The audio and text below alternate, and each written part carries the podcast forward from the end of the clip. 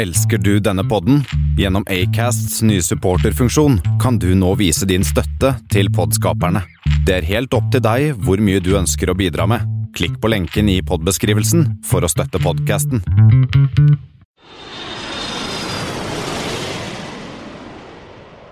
Velkommen til uh, Om bord til Flypodden, Norges eneste po podkast om fly og luftfart. Uh, nok en gang. Vi har, uh, sitter jo Thomas Lone og Christian Kamhaug i, i Norges kanskje mest eksklusive flystoler, Thomas. Ja, nå sitter vi jo her i din mancave, og um, vi sitter vel godt planta i noen stoler som hadde glidd rett inn i amerikanske flyselskaper på 80- og 90-tallet. Ja, og de Altså, det, det påstås uh, at dette her er en del av VIP-settet som BCB hadde til sin 727-200. Uh, jeg har sett noen bilder. Vi kan legge det ut også på nettsettet på den etterpå. For at disse her um, var en del av et sånt VIP-sett som, som, de satte inn i den 727-en når de skulle ha med litt fine gjester, sånn kong Olav og andre dignitære. De ser jo ordentlig glorete og deilige ut, men de, har, de sitter, de sitter godt. De sitter godt i disse. Ja. Og det, I dag har det da blitt 13. februar når vi sitter her og spiller inn den andre episoden av Flypodden. En uke siden vi, vi slapp første episode. Ja, og for en uke. Åh, Åh, altså enormt med, med respons på denne podden. Helt over all forventning. Det har vært så gøy. Vi har fått masse tilbud om folk som vil være gjester uoppfordra komme til oss og si de vil være gjester. Vi har fått masse kommentarer, masse tilbakemeldinger. Det, det er jo uh, gir oss jo enda mer lyst til å gjøre enda mer gøy. Uh, som du sa, flere, vi har flere gjester planlagt. Dette blir jo den siste episoden nå uten eksterne gjester. Ja, Vi har li et lite intervju i dag. Vi har et lite intervju, det stemmer. Eh, men utover nå så har vi fått flere som er gjester hos oss. Neste uke skal vi ut til Fornebu og snakke med Lasse Sandaker Nilsen i Norwegian. Ja, om uh, Argentina-eventyret. Da blir det biff og rødvin. Ja, det blir deilig. Jeg var jo i Argentina selv for, uh, her i høst. Fantastisk litt... sted, Buenos Aires. Og de åpner jo direkte rute fra London om ikke så altfor lenge. Ja. På britisk AOC. Og så har vi gjort litt, eh, gravd litt i historikken, og vi finner ut at det har skjedd ting nede i Argentina før som vi nordboere har hatt pølsefingrene våre i. Det kommer vi tilbake til neste uke. Yes. Andre gjester som også ble, har blitt booket allerede, er jo Knut Morten Johansen i SAS, kommunikasjonssjef i SAS.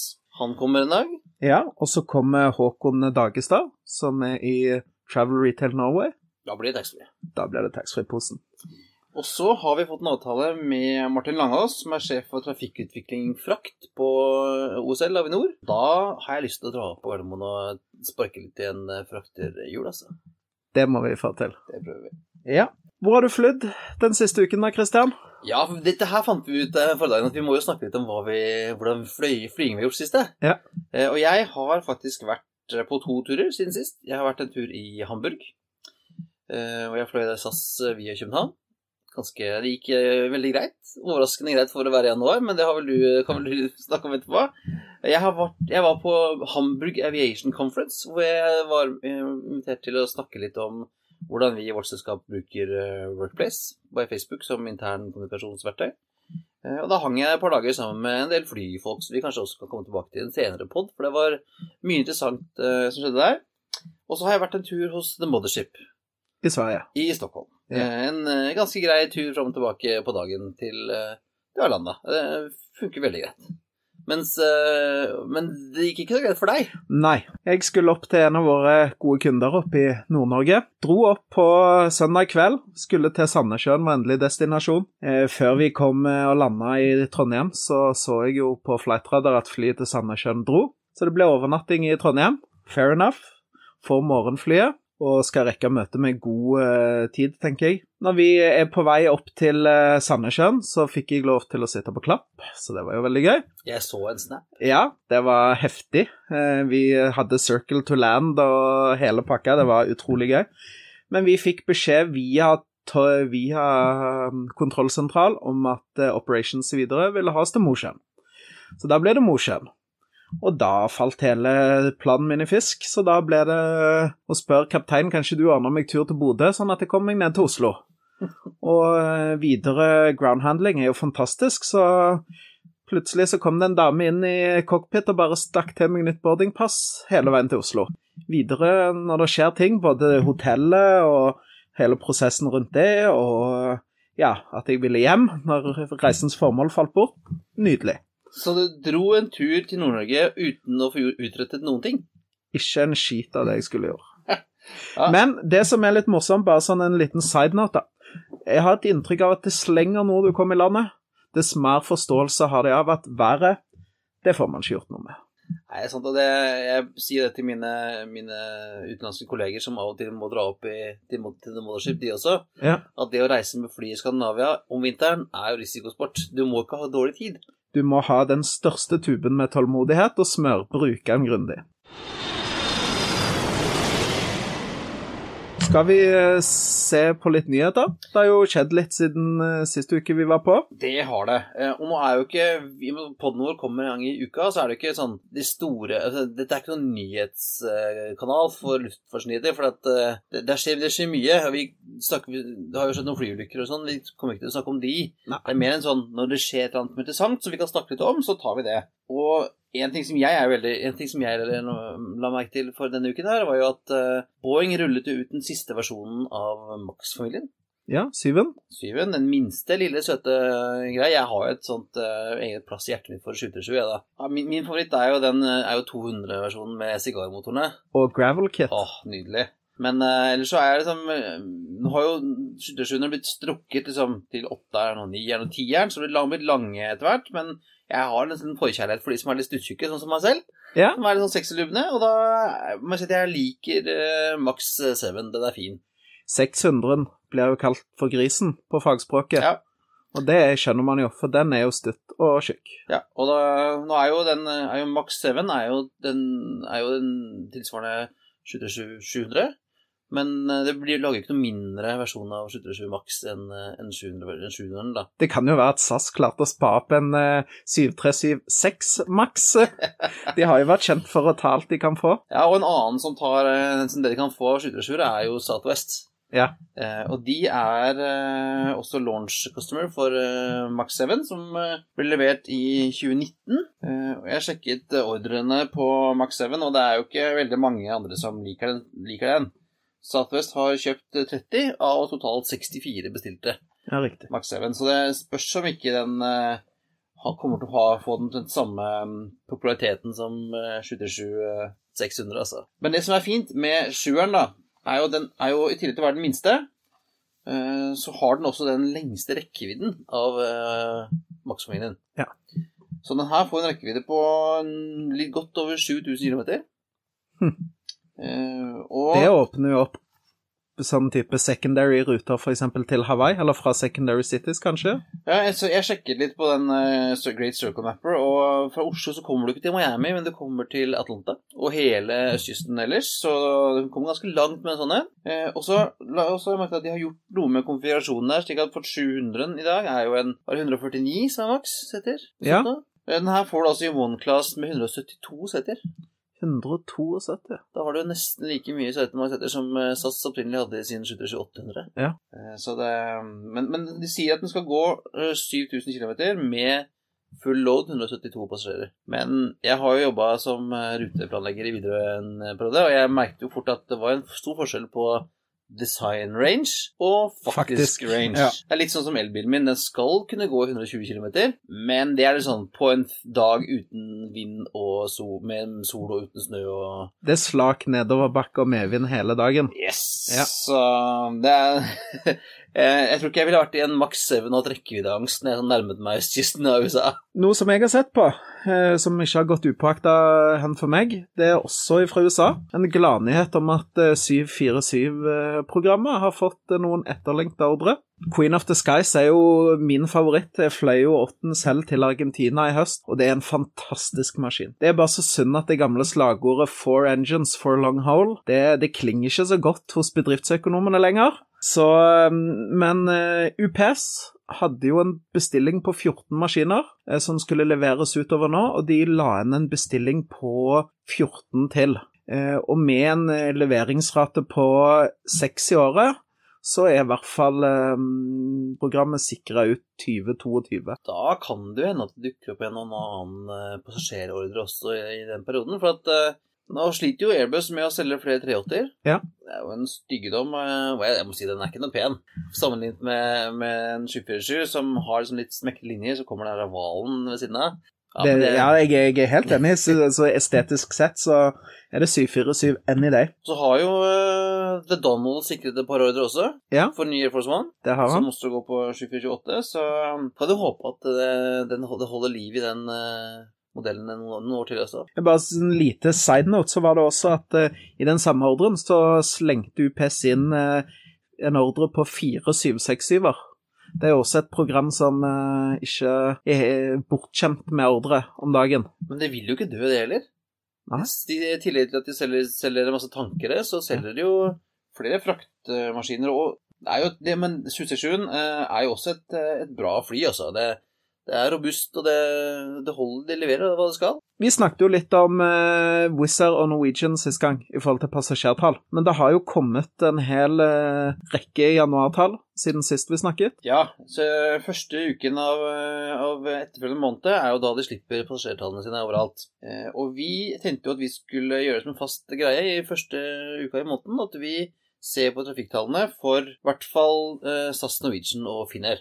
Eh, Vi skulle jo gjerne ha tallene til Widerøe og Bra også, for som sammenligning, men de slipper jo ikke tallene sine. De er jo ikke børsnotert, så det er informasjon som de kan sitte på med god samvittighet. Eh, Så vi tenkte vi skulle ta og kikke gjennom på tallene og se, og så kommentere hvordan det, har, hvordan det har gått. Og hvis vi begynner med mine gamle venner i, i SAS, da, så har jo de levert eh, tall som ikke var sånn kjempegode for januar. Nå er jo, altså Første kvartal er jo generelt en, et dårlig kvartal, og januar er den dårligste måneden. Så det er jo blodrødt over hele linja. Ja, eh, og, og SAS er jo et selskap som er rigget for high yield business-trafikk, og januar er jo en måned som er dårlig på mange måter, fordi at business-trafikken har ikke kommet ordentlig i gang igjen etter jul. Eh, henger litt igjen. Svenskene eksempel begynner jo ikke igjen før som først andre uka januar. Tok min første 4. januar jeg til Trondheim. Eh, og det er jo ingen særlig ferietrafikk heller i januar. Det er jo ikke noe vinterferie, ikke noe Folk har slunkne kasser etter jul. Ja, januar, januar er en veldig dårlig måned, og det har jo SAS eh, gjort noe med på den siden at de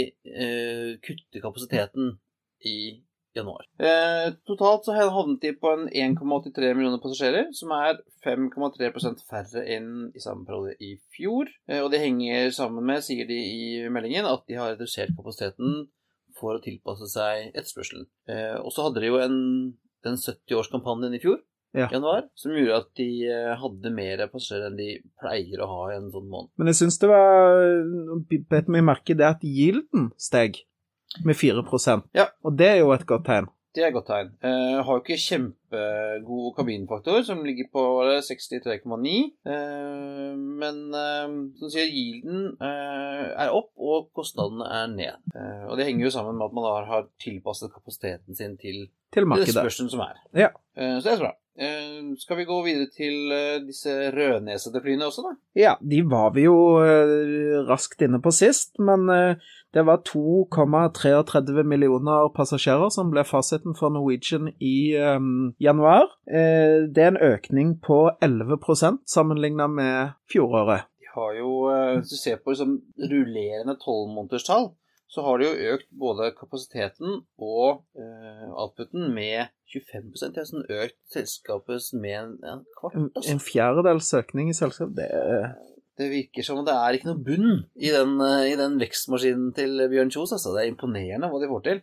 Det er helt fantastisk. Altså, måten de gjør det på, er jo eh, Jeg skjønner at andre konkurrenter er skremt. Så ser, men når du ser på, på hvor den store veksten er, så er det jo på, på RPK-ene, på trafikken. Mm, Eh, og det viser jo det at det, det er liksom først og fremst i long haul det skjer. Det er det. Nå har du ikke de, nå har jo ikke Både SAS og Finner eh, har jo delt eh, tallene sine på, på region, på innland, utland, Europa og, og longhold, mens de Norwegian har ikke gjort det.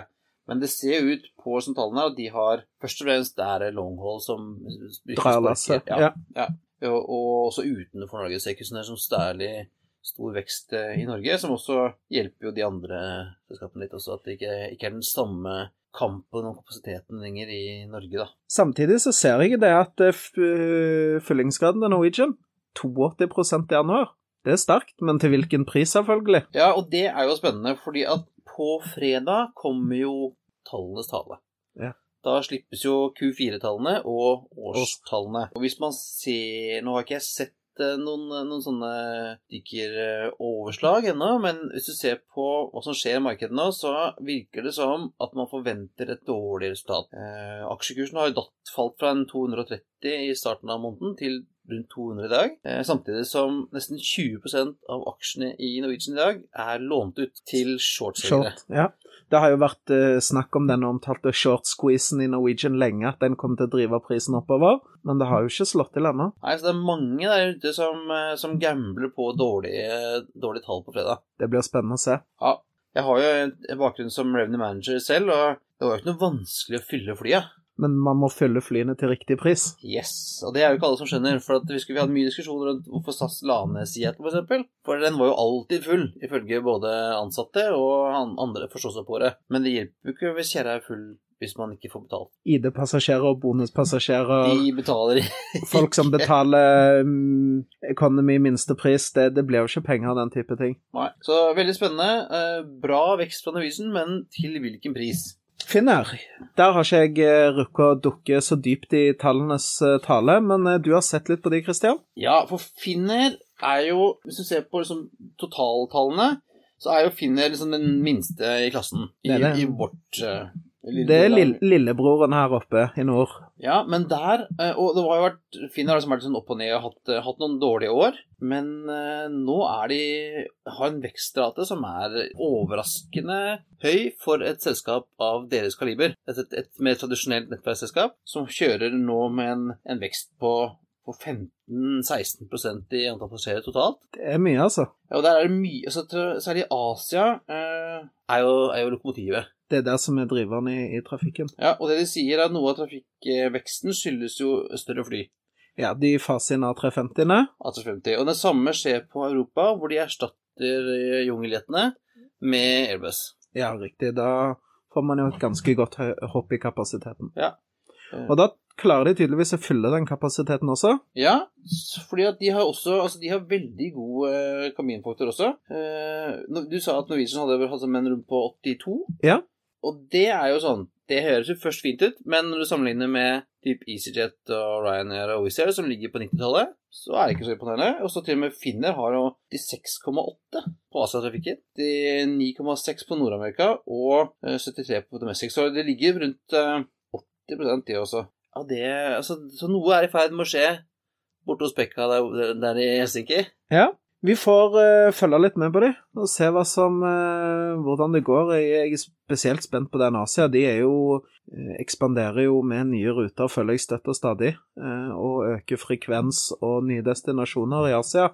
Så det er tydelig at disse nye flyene som de har, de skal ha destinasjoner der de går på. De klarer, som det ser ut her, da, og følge de også.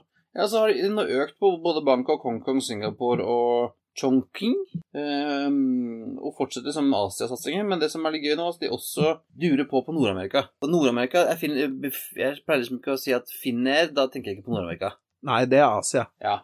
Men de kjører jo, altså øker på en del sånn type ferie- og fritidsdestinasjoner i Nord-Amerika. Uh, Havanna, Porto Vallarta, Porto Plata. Det er tydelig at Finnair har funnet eh, en åpning i markedet der. Og så sendte du meg et skjermbilde i stad fra Flightradar 24. Ja.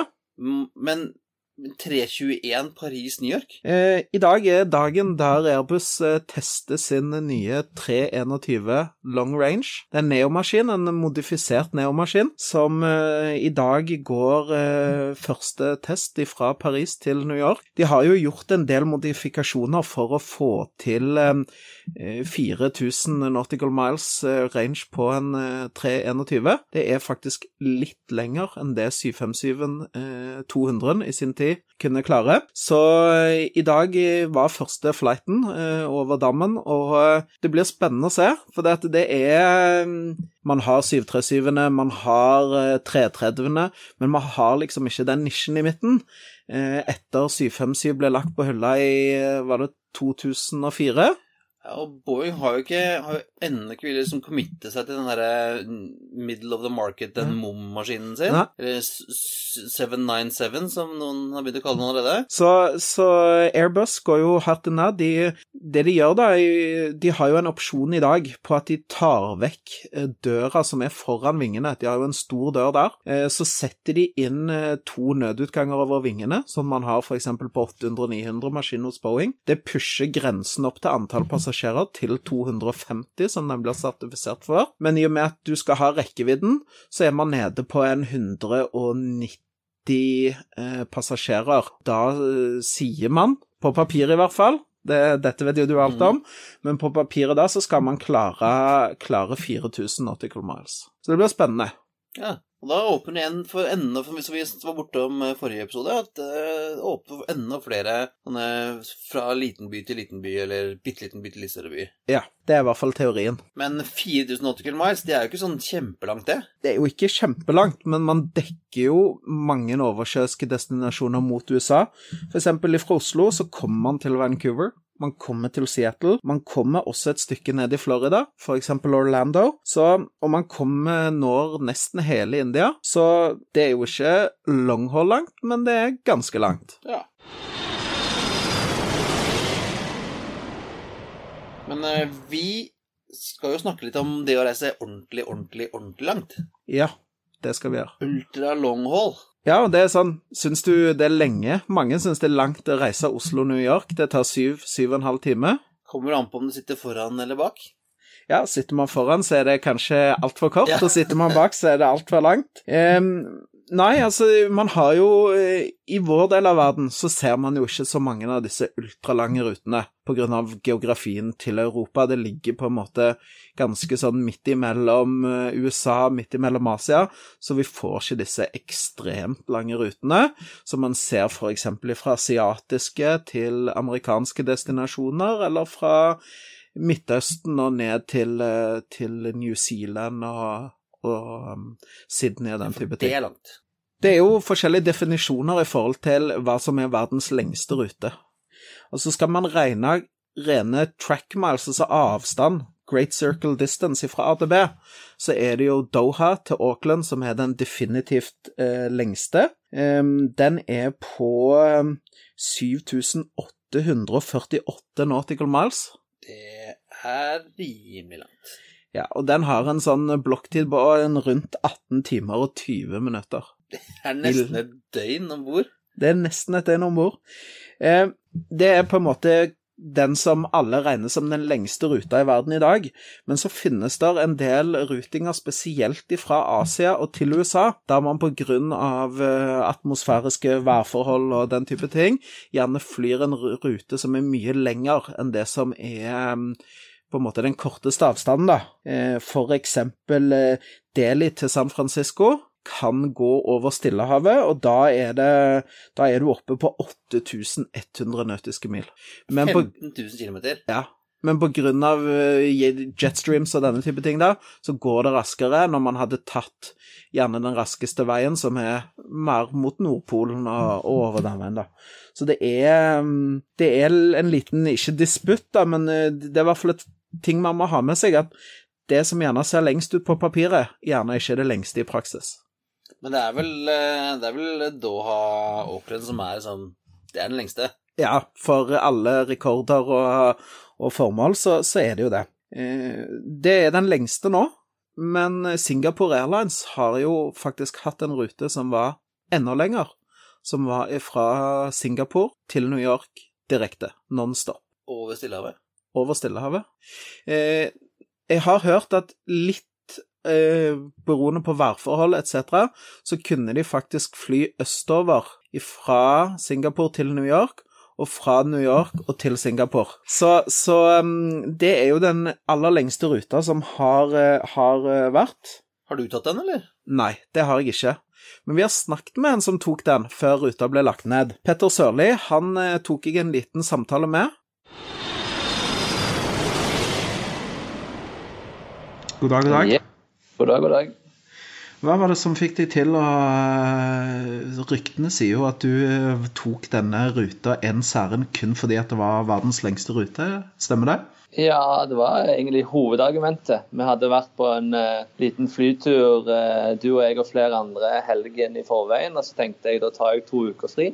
Og så hadde jeg lyst til å gjøre noe som å tikke noe på bucketlisten min, og det var å fly flytypen A340 500. Og når den da gikk på verdens lengste rute, så var det en ganske enkel eh, avgjørelse. Da hadde jeg veldig lyst til å fly den. Du fløy først eh, fra Europa til Singapore, og så videre til USA. Var det enveisbillett, eller fløy du tilbake òg? Jeg fløy eh, enveisbillett. Det var det som gjorde at det ble mulig å altså, rettferdiggjøre kostnaden. Tur-retur-billetten, hvis jeg husker det billigste jeg fant, var vel rundt 50 000 tur-retur. Eh, men så var det et sånt triks hvor du baserte flybilletten din fra Sri Lanka. Og da fikk du den ned i 17 000, hvor du fløy Sri Lanka-Singapore. Og så kunne du selvfølgelig være i Singapore et par dager, noe som jeg var.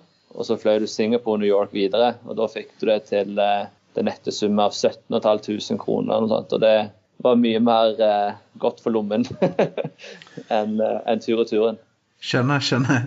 Um, når du fløy da fra Singapore til New York um, Det er jo en spesiell flymaskin, en eh, A340 500, en maskin som det ikke er bygd så veldig mange av. og Singapore gjorde jo noe ekstra spesielt med denne flighten, for det var kun business-klasseseter eh, på denne maskinen, stemmer det?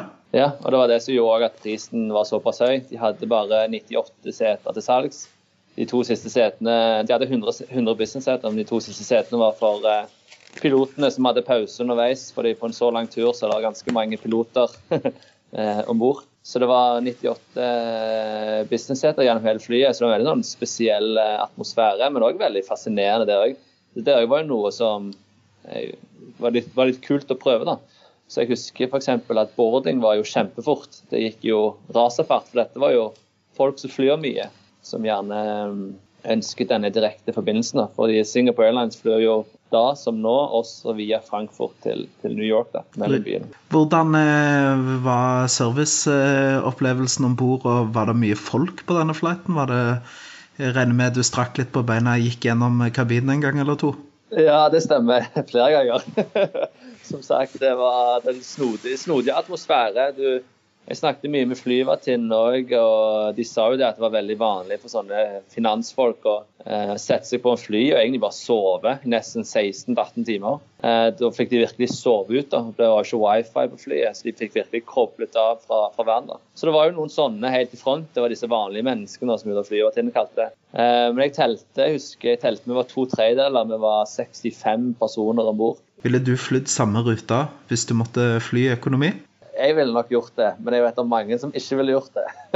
ja, undertegnede selv inkludert. Nei, men uh, tusen takk, Petter. Det var veldig ålreit å høre fra deg og en som faktisk har flydd det som har vært verdens lengste kommersielle rute. Tusen takk for at du var med oss.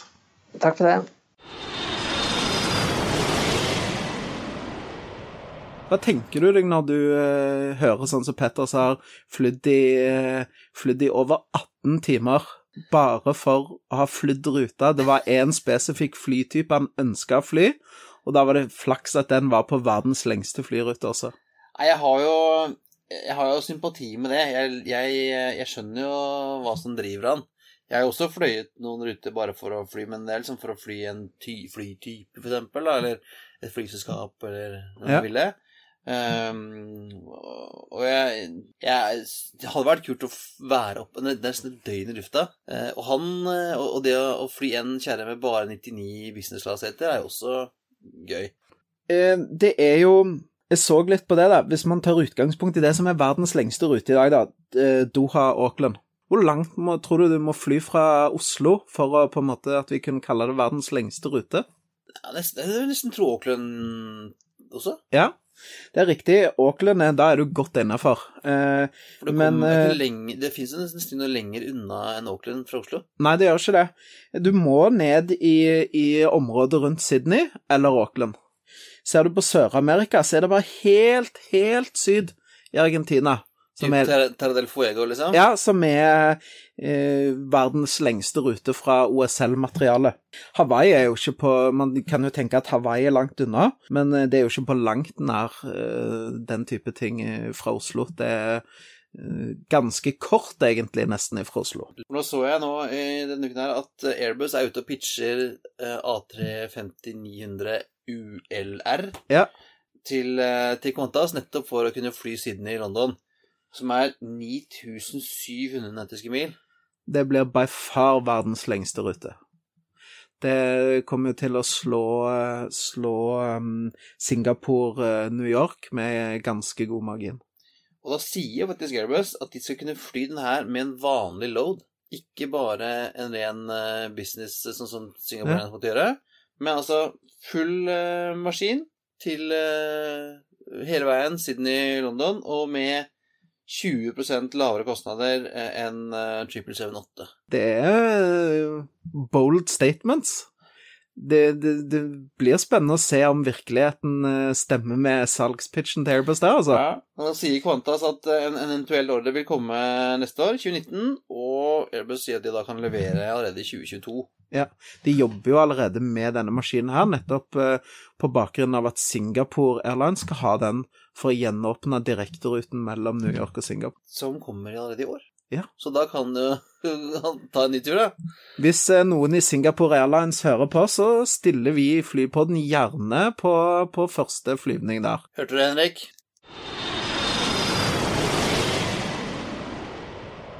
Når man snakker om Dette er jo ikke ultra longhold, men det er en liten kuriositet i den eh, gata, da. For jeg så en oversikt over de lengste flyrutene per flytype. Og det var litt morsomt. For hvor langt tror du faktisk man kan sitte i en ATR 42, hvis du virkelig skal pine deg selv? Åh, vet du hva, jeg fløy uh, ATR 72 uh, København-Praha for noen uker siden. Ja. Og det den har sånn blokktid på 1,50. Ja. Jeg tenkte at det syns jeg var langt. Og plusser du da på to timer til, så flyr du fra Totegegie, litt usikker på om det, til Papete i I Stillehavet. Stillehavet. Ja, I en ATR. ja, og det er tre timer og 45 minutter har den blokktid på. Søren, Det Nå er jeg glad i propell, jeg må si det, men uh, det hørtes ve veldig lenge ut. Og slit, litt, litt slitsomt. Hvis du ønsker å fly litt nærmere, så kan du fly 3 timer og 20 minutter i en Dash 8-200 fra Reykjavik til Nuuk på Grønland. Ja, og så er det vel en Jeg tror Porter Airlines i Canada har en Q400 Det stemmer. som går til Florida. Den går til, eh, fra Ottawa til Melbourne i Florida. Hvis du tenker på litt, Jeg er jo glad i histo- flyhistorie. Ja, Og vi snakker om ultra long haul og, og, og 17-18 timer i en eh, 340. Men altså tilbake i 19, rundt 1950 så hadde jo Trans eh, World Airlines en av de lengste nonstop-rutene da, fra San Francisco til London. med eh, Lucky Constellation. Riktig. Det er da flyhistoriesus var. 19 timer og 10 minutter var rekorden. Og det var uten mellomlanding? Det var uten mellomlanding. Eh, og så er det sånn Veldig mange snakker om å, det var så mye bedre før. Ja. Men altså, jeg vet ikke. Sitte der og Cruise rundt på en 500-600 km i timen. Maks 20, 20 000 fot over bakken. Kjenner virkelig værsystemene turbulens og Og sånn fire right-motorer rett utafor som durer noe ordentlig. Det er ikke noe mye ku der på den motoren der. Nei, Så jeg hadde nok likt en liten tur med en, eh, med en Starliner. Det ville jeg gjerne gjort. Men eh, 19 timer eh, fra San Francisco til London. hadde ikke vært noe særlig gøy. Hva mm, tror du om framtiden for disse rutene? Det er, jo, det er jo mange som har prøvd, og det er mange som, ja, skal vi si, har feila. Det har jo vært litt eh, Altså, dette er jo veldig I forhold til oljepris, det er veldig mange variabler som, som teller på disse ultralange rutene. Det koster mye å dra med seg så mye fuel. Ja, så må du jo ha minst to maskiner. Du klarer jo ikke en rotasjon med én maskin på disse rutene. Ja, du må vel egentlig ha tre? Ja, du må ha tre, egentlig. For å få minst, for å få Ja. det til å gå. Og det, det koster. Og så er det en sånn grense på hvor lenge folk egentlig orker å sitte i en flymaskin. Ja, for jeg tror ikke betalingsvilligheten er på en måte proporsjonal i forhold til flytiden. Sant? Du, du kan ikke ta dobbelt så mye betalt, i hvert fall for en økonomipassasjer, eh, for en 18-timers flygning som for en 9-timers flygning. Nei, og, eh, for veldig mange som reiser langt også, så sier de at eh, de egentlig liker det derre avbrekket, komme på bakken, gå, gå seg en tur, ta seg en dusj i en lounge eller noe, og komme, komme opp igjen. Ja. Det må jeg si var noe av det deiligste å mellomlande i Singapore på veien ned til New Zealand. Det var det å kunne strekke litt på beina, puste litt skikkelig luft, eh, ta meg en dusj i loungen, slappe litt av. Og og selv da fløy jeg businessklasse. Selv da satte jeg pris på å ha de timene på bakken. Ja, altså det Og, det, og, for, og når du sier det, så Altså, misforstå meg rett, jeg hadde det overhodet ikke vondt. Men allikevel, det å lande da i Singapore, få strukket litt på beina, det var nydelig, altså. Altså, jeg, jeg er litt uh, Jeg tror disse ultralongholdene er kanskje begrenset til noen få City Pairs. Ja. Altså, Singapore, New York er jo et sånt hvor, hvor det vil my være mye trafikk, mye forretningstrafikk, som eh, kanskje vil betale den prisen det er. Ja.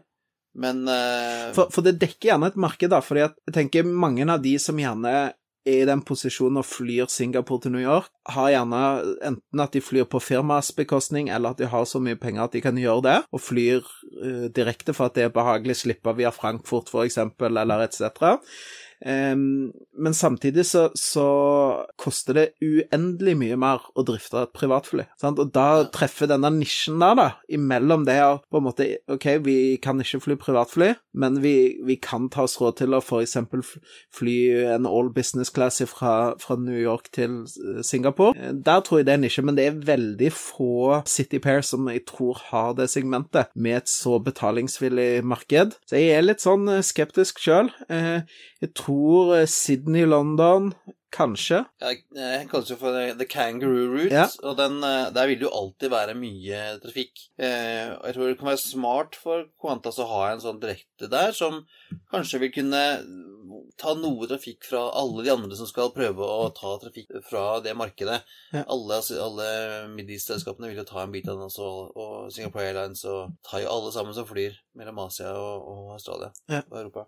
Nei, så det er jo i dag så er det jo Det er jo som sagt Auckland og Doha som på papiret er lengst. Um, og det er jo, når jeg ser på oversikten på ruter som er, eksisterer i dag, så er det jo på en måte Det er jo Auckland, Dubai, Emirates, det er Los Angeles, Singapore med United Airlines, Houston, Sydney osv. Men så har man jo alle disse Midtøsten-rutene til, til, altså Los Angeles, Abu Dhabi, Dubai, Jeddah, Doha osv. Men på åttendeplass så fant jeg en litt sånn pussig Det kan godt være at det er en god grunn for at den ruta finnes, men jeg syns Johannesburg til Atlanta med Delta Airlines, den syns jeg er en liten sånn oddball oppi disse veldig lange rutene.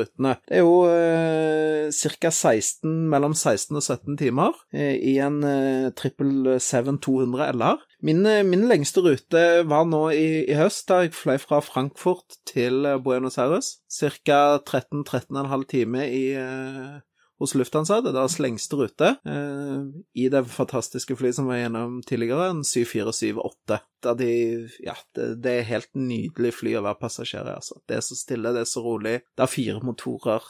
Eh, det er Queen of the Skies. Jeg tenker Sist så kan vi se på, på noen av de rutene som er foreslått um, litt frem i tid. Altså, det, det går jo litt um, diskusjoner i forhold til hva er det som, hva er det som kan komme uh, i fremtiden. Det har jo vært en del uh, da, Man må jo skille mellom to ting.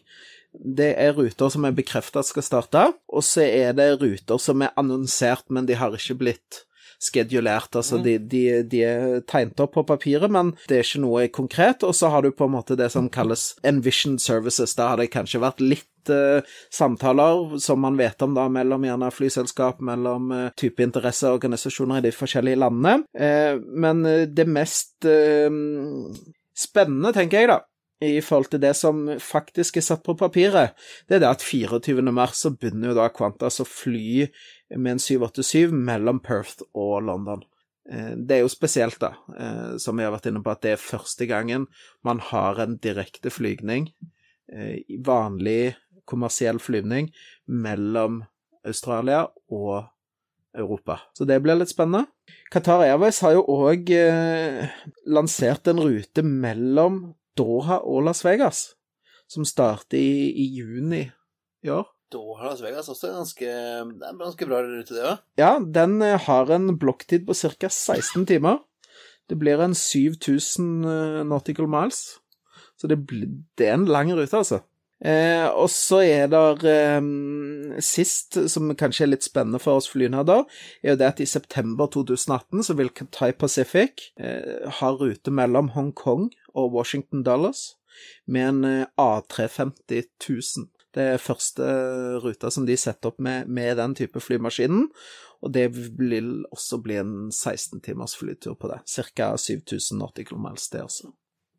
Vi var inne på innom UPS og 7478 i stad. Ja, Og de, nå har vi snakket om passasjerflighter som er lange, Ja. men det fins jo lange flighter med, med fraktmaskiner òg. Ja. Og UPS starter jo nå i slutten av måneden februar. Starter de en direkterute mellom Louisville, Kentucky og Dubai med 2428 F. Den er 6690 nautical miles. 12.400 km. de pakkene kommer fort fram. Og det er jo ingen, selvfølgelig, det er jo ingen som eh, Ingen passasjerer som krever mye, mye ekstra pampering på den flighten der. Nei. Skal Men vi si eh, skal vi begynne å runde av, eh, Thomas? Ja, du ønska å Ellers så ble dette her en ultra long Ja, eh, flight i dag. yes. Um, du ønska helt på tampen å komme med noen anbefalinger. Ja, jeg har innført uh, en, uh, en ny fast spalte i denne podden. Og som uh, co-editor så gjør jeg bare det. Ja, Jeg det er spør greit. ingen om, om lov, så jeg har innført nå ukens anbefaling. Og siden jeg innførte den, så er det jeg som har den første. Riktig. Det betyr at jeg må anbefale noe neste Du gang. for neste uke. Det har, okay. altså, ukens anbefaling har et eller annet med fly å gjøre, da. Fyr løs. Så ukens anbefaling er egentlig tre ting. Ja. Det er et kinderegg. Det er tre flypodder som jeg syns at eh, våre lyttere også skal sjekke ut. Så du anbefaler konkurrenter? Mm, eh, supplerende, vil Ja, jeg okay, si. Ja. Det er ikke, de, disse her er jo ikke helt like oss, så jeg, derfor sier jeg det er mer supplerende. Og kunnskap er jo aldri noen tung bør å bære. Nei, og jeg, så først må du høre på Flypodden, og så kan du høre på de andre. Ja, riktig. Eh, Gå en lang tur med hunden, eller noe, det gjør jeg. Da har jeg hørt mye podkast. Ja. Så eh, Da er jeg spent. Eh, den aller første er en podkast som jeg Jeg tror det er den første podkasten jeg begynte å abonnere på, og det er mange år siden. Det er, den heter Betty in the Sky Where a Suitcase. Den har jeg ikke hørt. Den uh, Betty er, som hun sier, uh, flight attendant for a major airline. Hun sier aldri hvilket selskap det er, men basert på hvor hun flyr og hva de flyr, så er jeg sikker på at det er Delta hun jobber for. Riktig. Eh, og Betty eh, er altså eh, en senior flight attendant. Jeg tipper hun er sånn midt i 40-årene eller noe. Og har med seg recorderen sin rundt omkring på flytur og samler historier. Spennende. For det er jo altså, ingen som har så mye morsomme historier som crew. Så hun har intervjuer så, sine crew-kolleger, både i cockpit og cabin, eh, om eh, sine morsomme historier og opplevelser. og Folk som har gjort rare ting om bord, eller dyr, eller kjendiser, eller eh, Så den anbefaler jeg. Bet in the Sky with a Suitcase.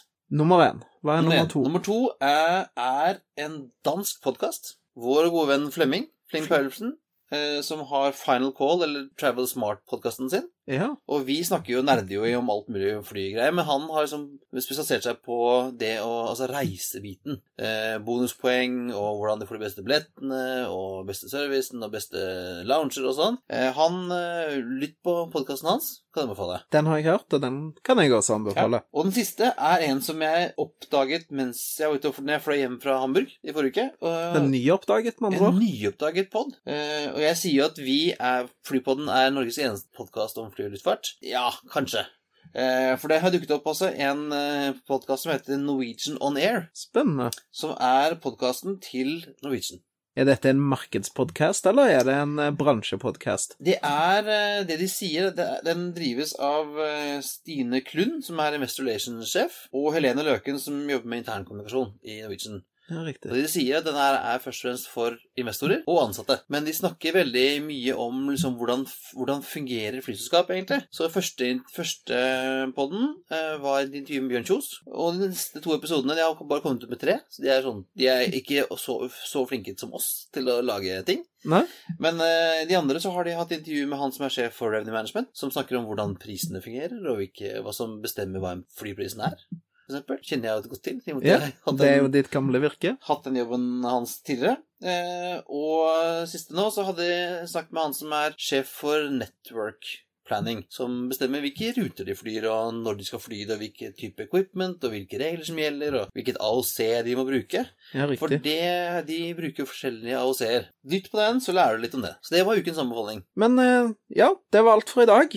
Eh, Gå gjerne inn på flypodden.no og finn eh, linker til det vi har snakket om i dag. Ikke glem å abonnere på Flypodden i iTunes eller din podkast-app, og gi oss gjerne en god rating dersom du liker innholdet vårt. Eh, Vi har allerede fått én positiv eh, rating, og det sier vi tusen takk for. Fra nå av kommer vi til å lese høyt alle ratingene vi får. Det må vi gjøre. Har du et tips, vil du være gjest, eller kanskje du har lyst til å sponse oss, ja, da sender du oss en mail på thomas at flypodden.no. Takk for nå, og velkommen om bord.